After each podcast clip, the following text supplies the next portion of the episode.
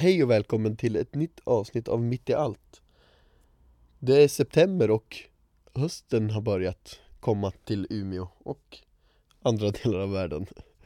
Vi smygstartade vår hösttermin med att släppa ett TC-avsnitt Som eh, vi spelade in när vi var i Frankrike, prova gärna att lyssna på det. Det var speciellt att prata engelska ett helt avsnitt men eh, ja. Det var spännande.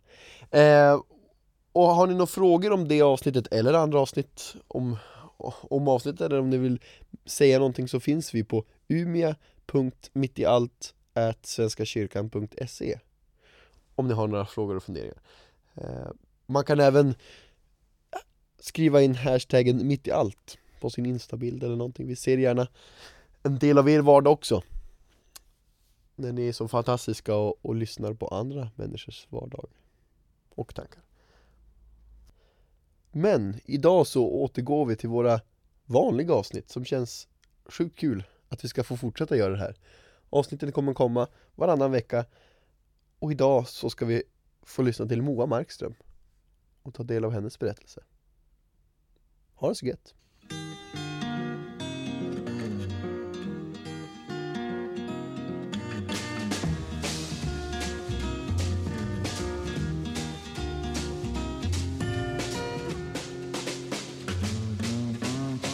Slow down, you move too fast.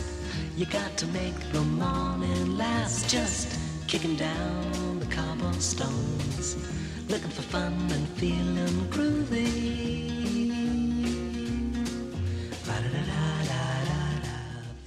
Hej Moa! Hej. Eh, hur är läget? Eh, det är bara bra. Det är bra med mig. Skönt att höra. Eh, hur har din eh, vecka varit? Mm, min vecka har varit, eh, ja med tanke på att det är måndag så har det inte varit så himla mycket. Men eh, eh, ganska mycket faktiskt. Den har varit fullspäckad. Gjort, arbetat och varit med familj, varit barnvakt och lite allt möjligt. Just. Var jobbar du någonstans? Eh, här i närheten på Hagaborg servicehus, äldreboende. Så jag tar hand om fantastiskt, fantastiska människor. Gamla men otroligt trevliga och väldigt, väldigt visa. De har mycket att berätta. Har de det? Otroligt många berättelser och det är bara, man sitter med öppen mun och tindrande ögon och bara lyssnar. det, är, det är jätteroligt, fantastiskt faktiskt. Du är en sån som njuter av att ta in Ja, berättelser från andra. när de vill berätta. När de vill berätta. Så du har drömjobbet lite grann? Ja, lite granna faktiskt. Schysst. Eh, hur hamnade du på Hagaborg? Eh, på, på det sättet som de flesta kanske får jobb, via, via kontakter.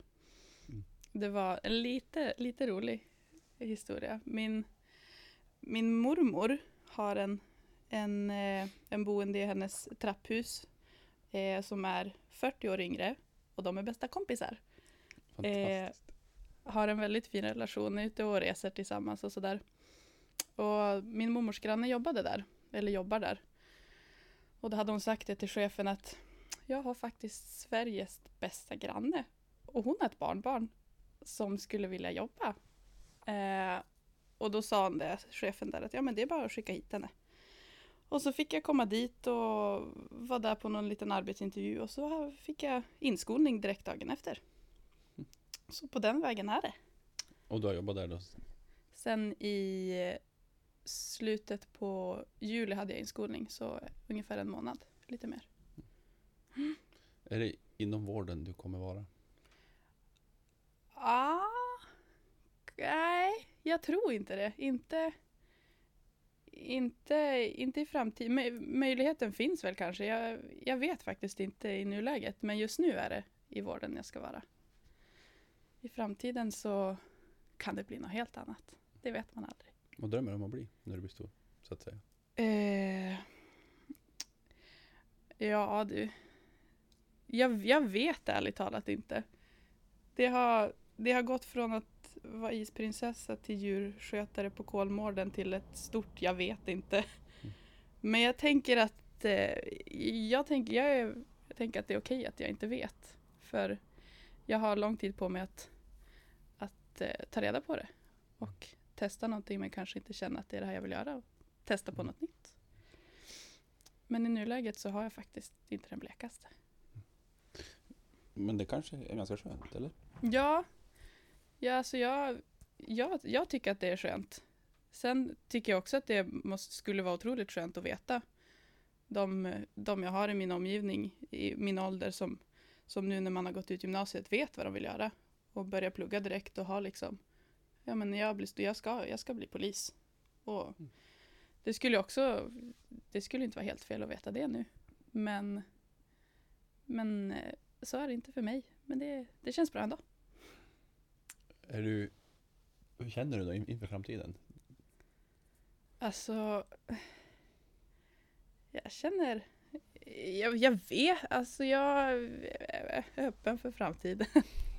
Du låter den komma. Ja, Ta sakta men det är. säkert. Mm. Jag tar den som den kommer. Jag tänker det finns en ganska stor press kring i samhället kring vad man ska, framförallt jobb. Mm. Eh, och att genom jobbet kommer lyckan. Och, hur, hur känner du? Upplever du stor press? Nej, egentligen inte. Alltså, jag hör jättemånga, eller hör, men eh, man märker ju av ja, men, samhällspressen och, och allt, allt vad man ska göra. Du ska ha det så himla bra, du ska ha ett bra jobb och du kommer bli lycklig då. och Få fint hus och barn och där har du då, då har du det bra. Eh, men jag, Nej, jag skulle inte säga att jag känner av det så jättemycket, pressen inför framtiden. I, utan, ut, och jag tror att det kan ligga i att just det att jag har landat så himla mycket i att jag, att jag inte vet hur det kommer bli och att jag har liksom tagit in det och låtit mig ja, acceptera det faktum att det kan bli lite som det blir. Och jag tror att hur den blir så kommer jag vara nöjd och glad.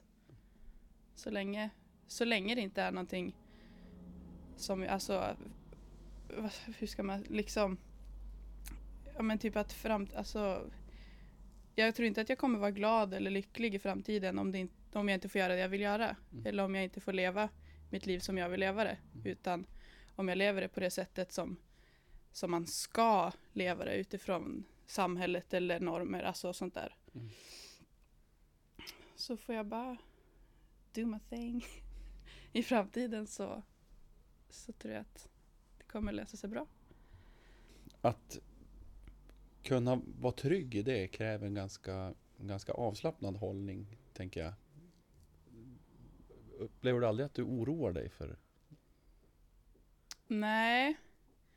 Nej, jag, jag, alltså jag, jag vet inte. Jag, på något sätt så är det som att jag har tiden innan, innan man tog studenten. Mm.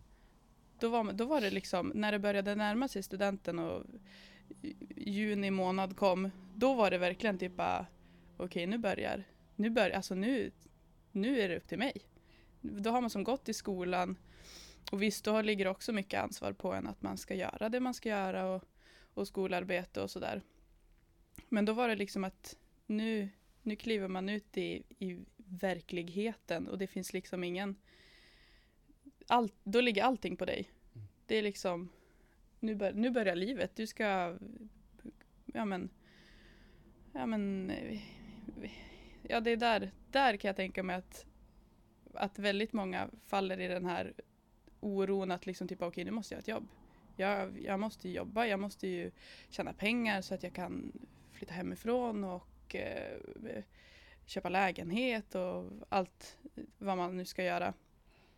Och det, och det kände jag där alltså i början. Att, för det är ju ändå det är ju ändå då på något sätt man måste man kan ju inte ligga hemma i sängen hela dagarna och tro att, att, det, att det är så man kan göra. För det, i slutändan så blir det lite svårt. Jag har testat. Fast det var, ja.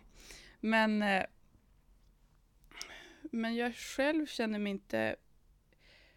Nu efterhand så, efter att jag har legat i, i sängen och inte gjort någonting till att sen få jobb och, och liksom eh, eh, ska ut och resa med, med två kompisar nu i november. Eh, så känns det som att jag, jag vet, jag, jag är inte orolig alls. Och jag vet inte varför, för jag tycker egentligen att jag kanske borde vara det, för det är så många andra som är det. Och det, jag förstår varför de är det, men jag själv känner mig inte orolig. Det måste ju ändå vara ganska skönt. Ja, men när, jag börjar tänka på det så, så känns det jättekonstigt. I got no deeds to do, no promises to keep. I'm dappled and drowsy and ready to sleep. Let the morning time drop all its petals on me. Life, I love you, all is groovy. Du är inte orolig, då, då tänker då någonstans är du trygg med att det kommer ordna sig. Ja, Var kommer, var kommer den tryggheten ifrån? Om jag använder det begreppet trygghet. ja, det tror jag. Jag tror att det kommer väldigt mycket från från min mamma faktiskt. Eh, hon har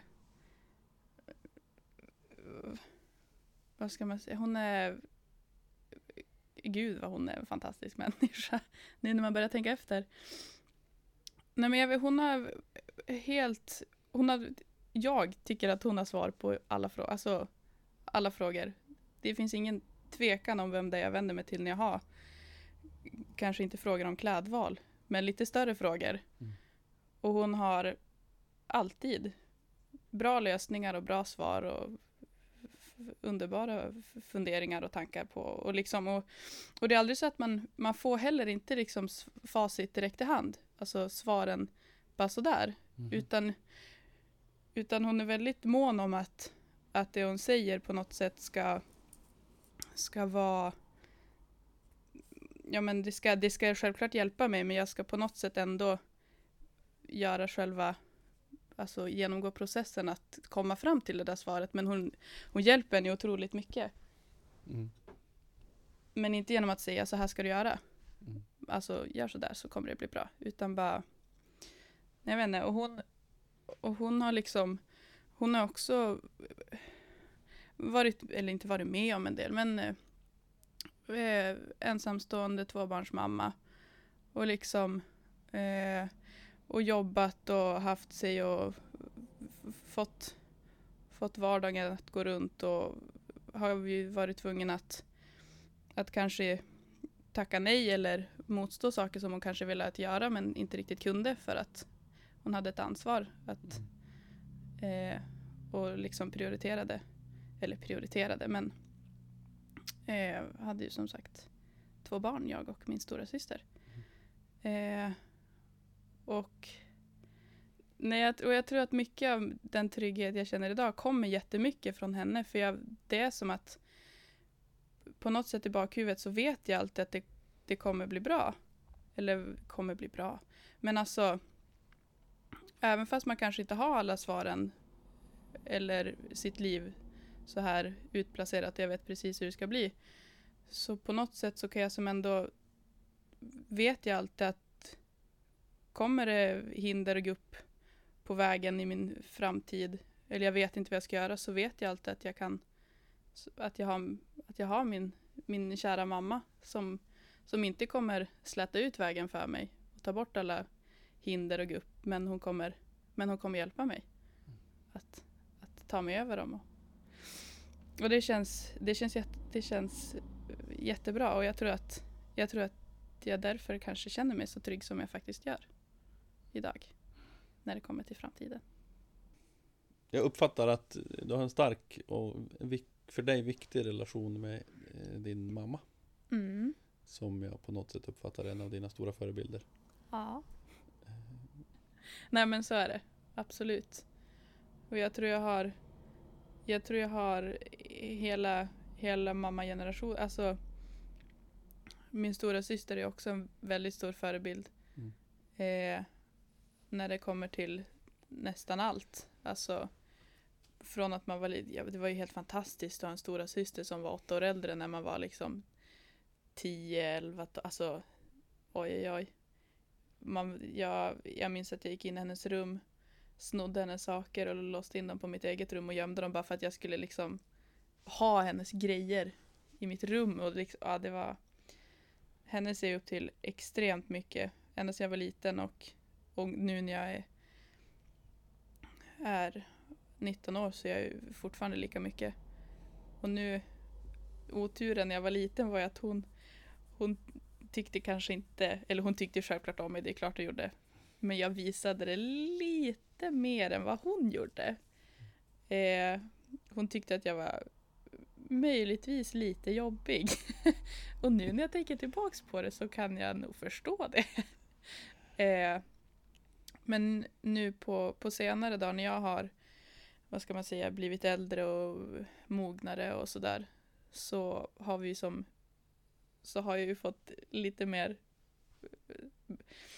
fått, ja men, ömsesidiga, alltså jag får tillbaks all den, den kärleken som jag gav till henne för så många år sedan. Eh, och det är helt fantastiskt. Men, men min mamma är nog ändå, eh, vad ska man säga, den, även fast jag har min syster som jag ser upp till jättemycket så kommer nog mamma all, alltid vara snäppet högre upp på skalan av personer som jag beundrar. Eh, och det, det, kommer, det kommer alltid vara så tror jag. Eller tror, jag hoppas jag, jag vill, det ska vara så. Jag vill, jag vill, jag vill alltid kunna se upp till min mamma.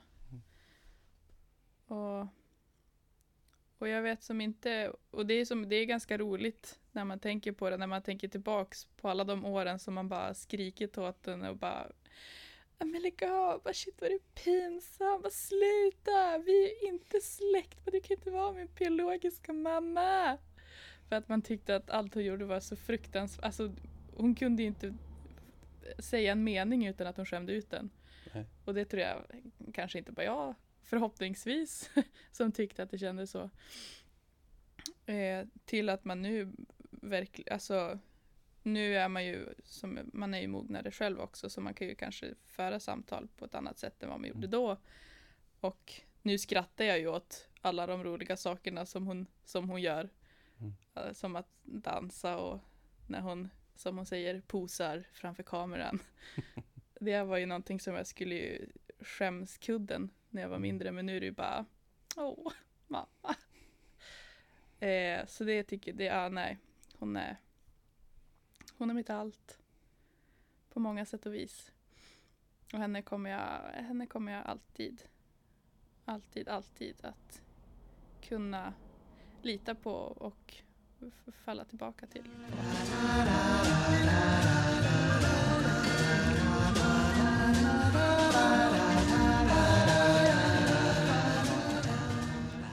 Kan du berätta om någon situation i ditt liv eller någon episod eller kanske någon person som har förändrat dig Som har förändrat mig. eller påverkat dig? Mm. Ja, jag har ju... Det, vet, alltså det, är- det är kanske inte någonting som har påverkat mig alltså så jättemycket i förhållande till, eh, till, till mitt sätt att leva eller till, till värderingar utan det är mer en händelse som påverkade mig och förändrade mig i förhållande till en viss, till en viss person.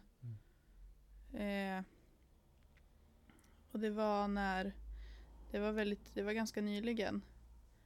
Eh, då jag fick, eh, fick reda på att min, min mormor hade varit inne på sjukhus.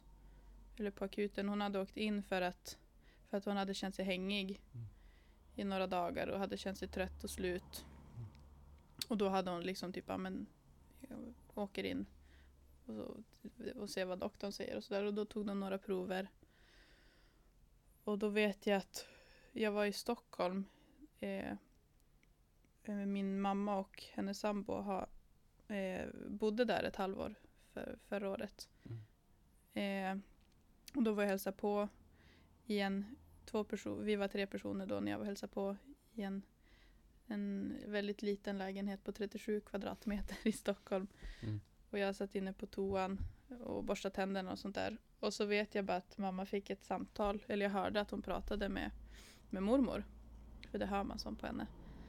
Eh, och då hörde jag att att eh, för mamma upprepade och då sa, de, då sa hon att eh, hon hade hittat en tumör när, när mormor hade varit inne på undersökning. Då hade de, de, hade ju, de hade som känt någonting och jag tror det var, det var kring mag, alltså vid magen de hade, och så hade de tagit in och prover och ultraljud och allt vad de nu gör och röntgen och sådär. Mm.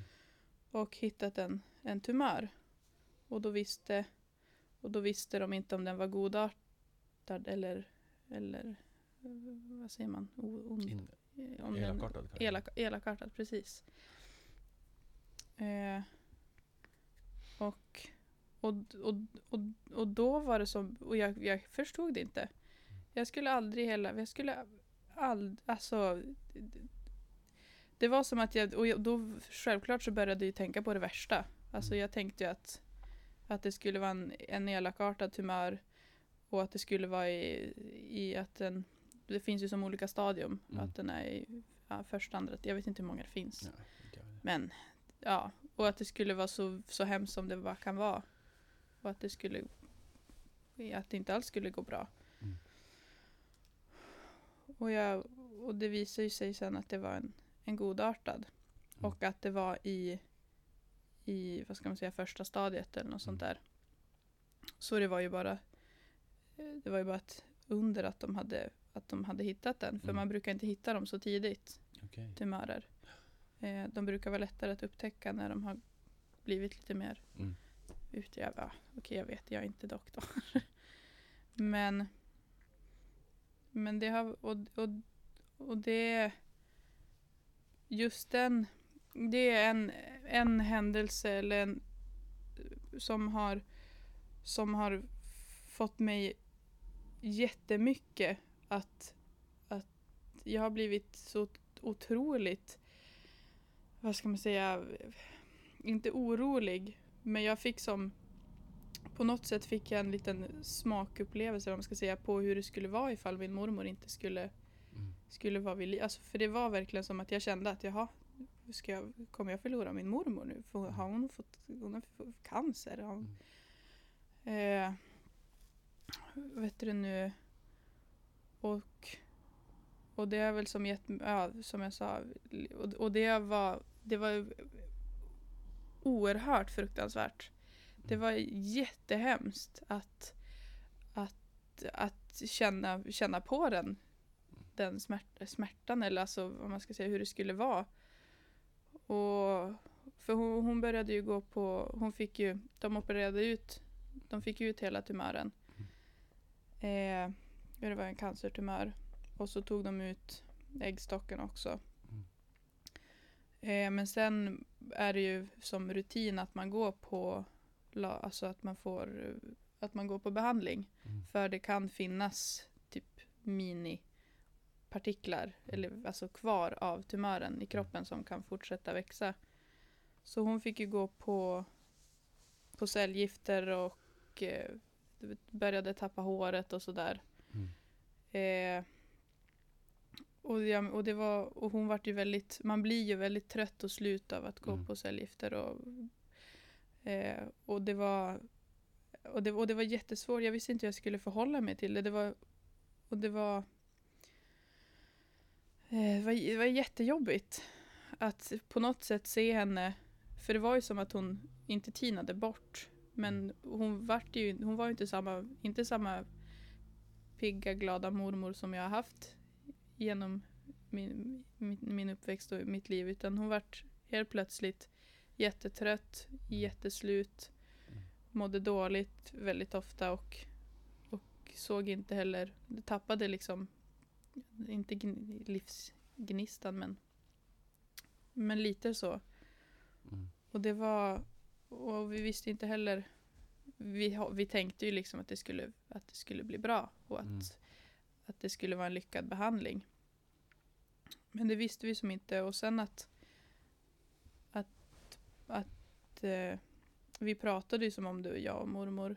Och i och med att jag är, vi, vad ska man säga, mog, jag förstod ju vad som hände Mm. så kunde hon ju som prata med mig Mm. som hon pratar med vuxen, för jag är, Mm. ju, jag är ju vuxen. Och då vet jag att då, satt, då satt vi och pratade och då uttryckte hon att hon, att hon har, fick, att hon kände, hon kunde inte sova på nätterna för hon kände, eh, hon hade, var jätterädd för, alltså, hade panik och dödsångest. Mm. Och kände liksom att, och att sitta där och att höra, och att höra min söta lilla, lilla mormor och sitta där utan hår och ihopsjunken och säga Mm. liksom att jag, äh, nej det var, usch, usch, jobb, jättejobbigt. Eh, men, men på något sätt så tror jag att det har, alltså den här perioden, nu har hon, eh, behandlingen är färdig Mm. och den var, den, den var lyckad. Hon har till och med tagit ut hennes sån här kapsel, vad man ska säga, där de, som de sätter in ovanför bröstet där de sätter, sprutar in eh, cellgifterna. Mm. Så den är utopererad så hon Mm. är som helt, helt klar med, med behandlingen och är, har fått tillbaks, fått tillbaks sitt hår. Mm. Hon hade, fick jättefina, sånt här mjukt, nästan babyfjun Mm. med gulliga lockar. Mm. Eh, och är som tillbaks, komma tillbaks till sig själv, den, den gamla Ann-Margret som hon var. Mm. Eh, men det här det har på något sätt, jag har tänkt jättemycket över det här och eh, det har som gett mig på något sätt, inte en förberedelse, men, men det gav mig som faktiskt, det öppnade ögonen för att jag kommer ju, och det vet, det vet vi alla att någon gång ska vi alla dö. Mm. Och det gav mig som en, en eye-opener till att jag kommer faktiskt, jag kommer förlora min mormor Mm. en dag. Och jag kommer förlora min morfar. Mm. Och eh, ja, de man har i sin omgivning, nog för att det vill man inte ska hända alls. Nej, nej. Alltså det är jättejobbigt. Men på något sätt så har det liksom den här, allt det här med, med mormor och, och cancern och cellgifterna har som på något sätt sagt, jag tror inte att det, det går inte att, för mig var det som, det, att vara med om, eller vara med om det här men att Jo men att vara med om det här var inte liksom så att bara okej, nu är jag förberedd. Nu Mm. kan jag ta det Mm. nu får det komma när det kommer. Eh, utan så är det inte. Jag är ju självklart, jag är jätteorolig och jag tänker jättemycket på, på hur hemskt det kommer vara när det faktiskt händer. Mm. Eh, men, eh, åh gud nu blir jag emotional. Det är okej. Eh, åh gud.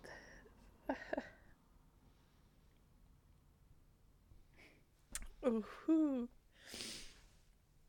Nej, oh. Jag är som inte, som jag sa, förberedd. Alltså jag, det är inte så att jag är redo för, för, för att hon ska gå bort. Nej. Liksom. Utan, utan det är mer att jag fick som en, nu tar jag verkligen, jag tar vara på, på, oh, huh. Nej, jag tar vara på, på alla de alla de stunder som jag får vara med henne. Mm. Och, eh, och berätta för henne så hur mycket jag hur mycket jag älskar henne. Och det är, någonting som jag inte bara gör med henne utan det har jag som börjat göra med alla i min omgivning. Även fast de kanske inte är, är speciellt gamla eller sådär men att till en början var det som bara att det var, att det var mormor. Att det var som henne som den här, eh, det jag var med om, det var som att jag först började tänka på att ja, men jag kommer faktiskt förlora min mormor. Och att jag började liksom ta vara på, på den tiden med henne. Eh, men nu har det som eh, inte utvecklats, men att, eh, att jag har nu varit helt tom i huvudet här. Eh, även fast man kanske inte är eh, Ja, nu vet jag. Ja, men, men kort och gott att, att, eh, att faktiskt, det är inget fel med att säga hur mycket personer i sin omgivning betyder för en.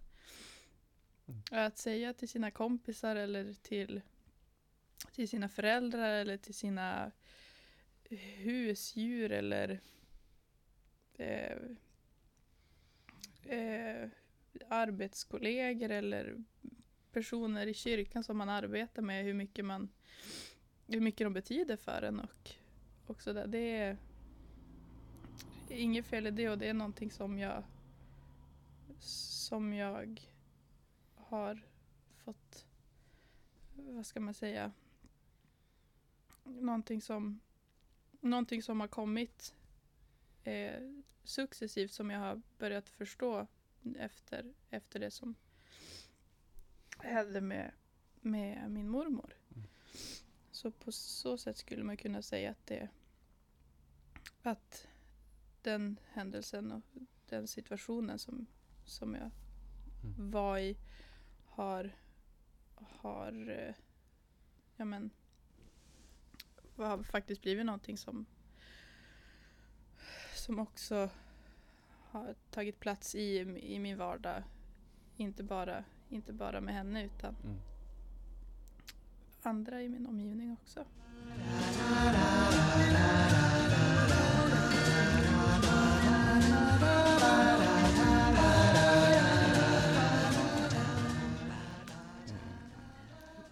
Väldigt intressant om man ska bli lite mer världslig och koppla bort oss lite. Eh, varför är vi så dåliga på att berätta för människor vad de Åh, betyder Gud. för oss? Ja, det är en jättebra fråga. Och det, och det känns inte heller som att... Jag vet som inte vad man ska komma fram till för svar. För det är någonting så, någonting så otroligt lätt att göra. Och Mm. någonting som faktiskt... Som jag faktiskt tror att man mår, mår väldigt bra av. Alltså att få säga och, och att få höra sånt Mm. från en, någon man har i sin omgivning. Tror jag gör... Alltså det tror jag ger väldigt mycket. Mm. Både Ja, jag tror att det ger väldigt mycket för personen som säger det och till personen får, som får ta emot det. Mm. Och då kan man ju som bara... Då tycker man att det kan ju inte finnas någon... Man förstår ju som inte var, varför... Varför... Varför gör inte folk det mer? För jag, jag tror att det inte alls är speciellt många. Som, alltså visst, självklart inom familjen så... Och vänner, men det är som ändå på något sätt så kan, när det kommer till vänner så tror jag att det kan lägga ganska mycket, alltså det, det ligger inte en, ofta som seriös ton i det.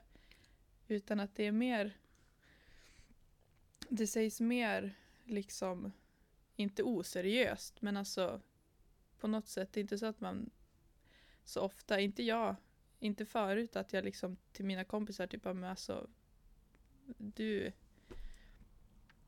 alltså prat, pratat med dem på, alltså, utan det har varit mer typ bara, "Eh, du, du, du, bra kompis bara, du bara jag älskar dig, bara love you right back. Alltså, Mm.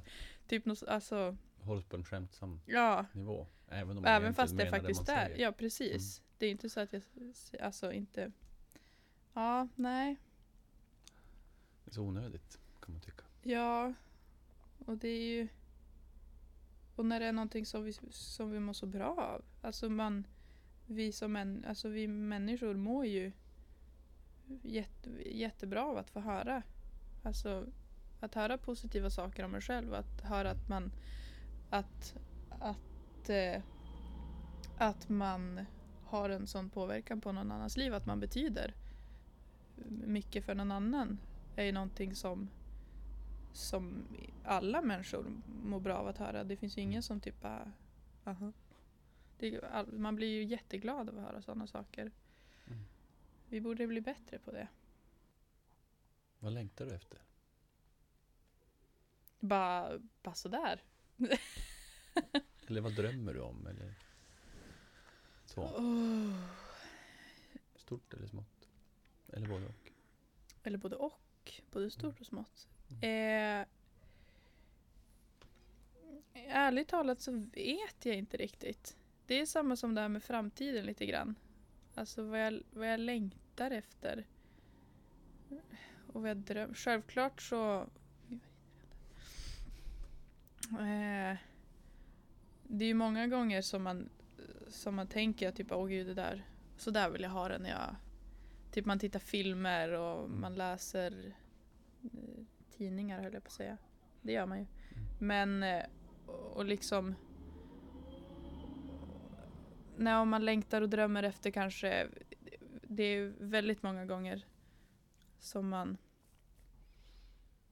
som man önskar och fantiserar om att man hade varit eh, haft asmycket pengar och kunnat bo sjukt hus eller någon penthouse i New York och bara kunna leva utan utan vad ska man säga ekonomiska bekymmer Mm. och bara kunnat leva livet så. Och det är någonting som jag, eller som jag och som jag tror att jag delar med många som man drömmer Mm. om. Men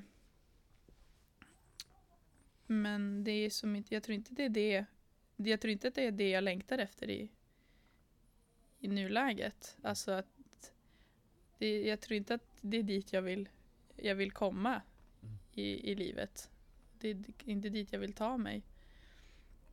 Vad vill du ta dig då? Ja, tänk om jag skulle veta det.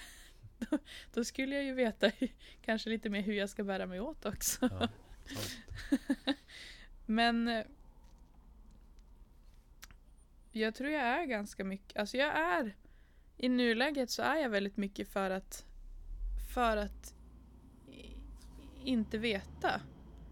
Vilket förmodligen måste låta en, jättetråkigt när man ska sitta här och s- Passar det bra nu att ställa frågan som du får av en tidigare gäst?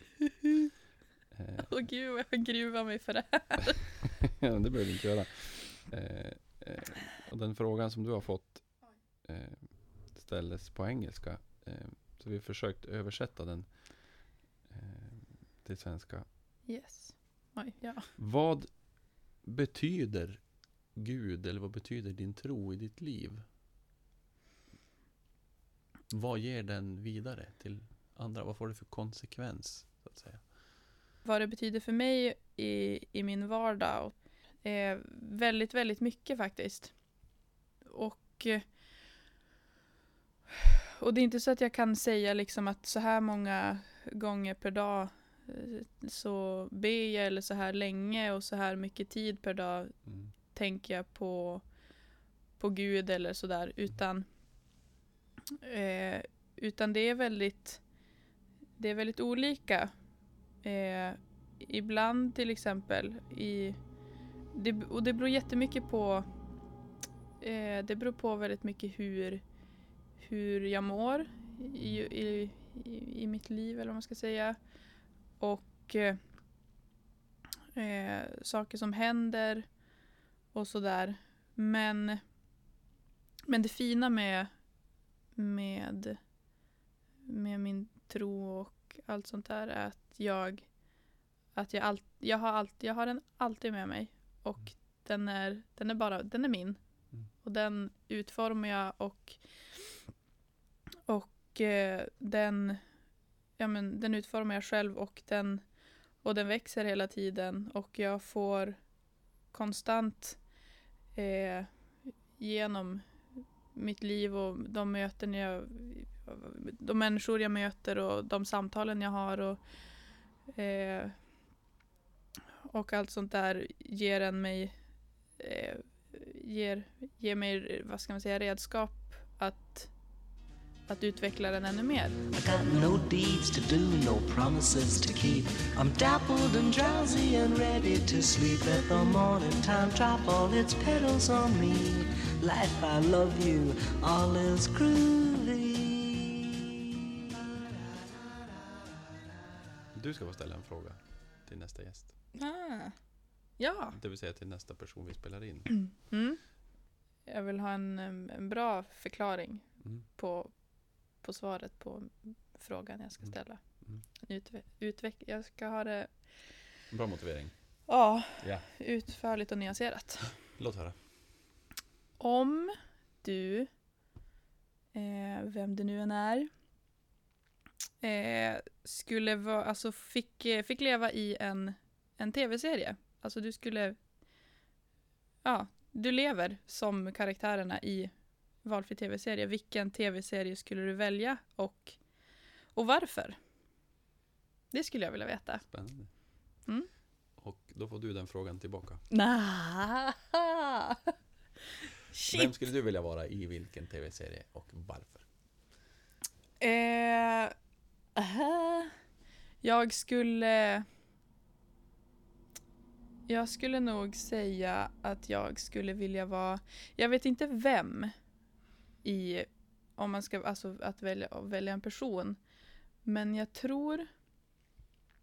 Jag tror att jag skulle vilja vara med i Big Bang Theory. Eh, inte för att jag känner att jag ligger på samma intellektuella nivå som de karaktärerna i serien. Men, men jag tror att vi skulle kunna ha riktigt kul tillsammans. Dels för att jag eh, små hatälskar Sheldon Cooper som är en karaktär i serien. Eh, men men garanterat, definitivt Big Bang Theory. Idag svarar jag det. Imorgon vet jag inte om jag skulle svara samma sak. Men idag. Åh, vad det skulle vara kul. Jag kan tänka mig det. Ah.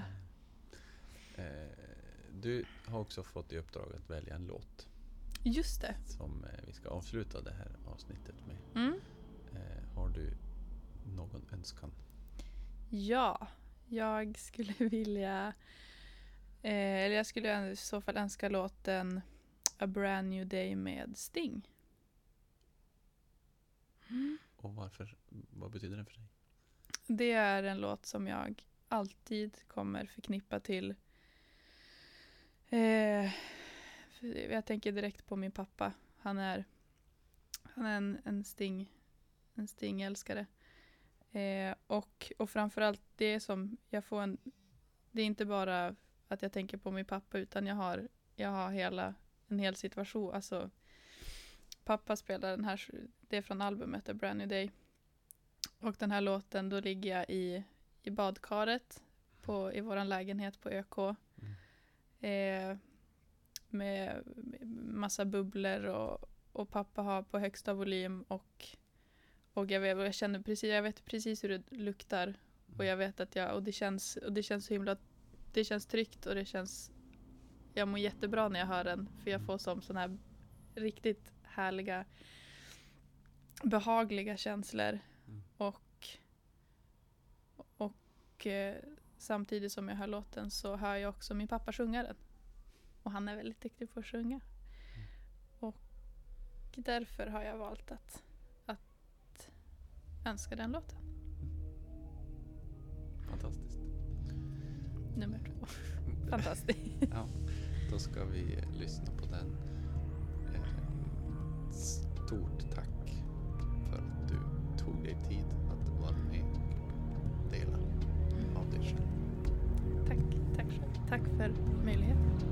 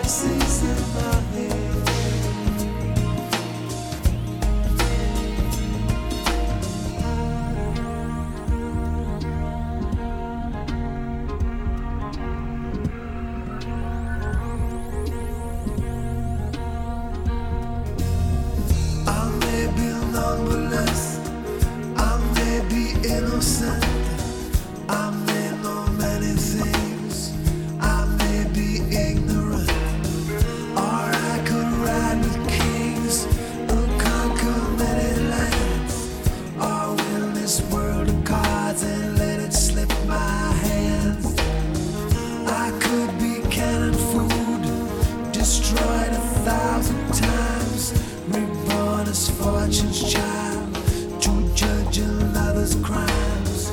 I'll wear this pilgrim's cloak, or be a common thief. I've kept this single faith I have, but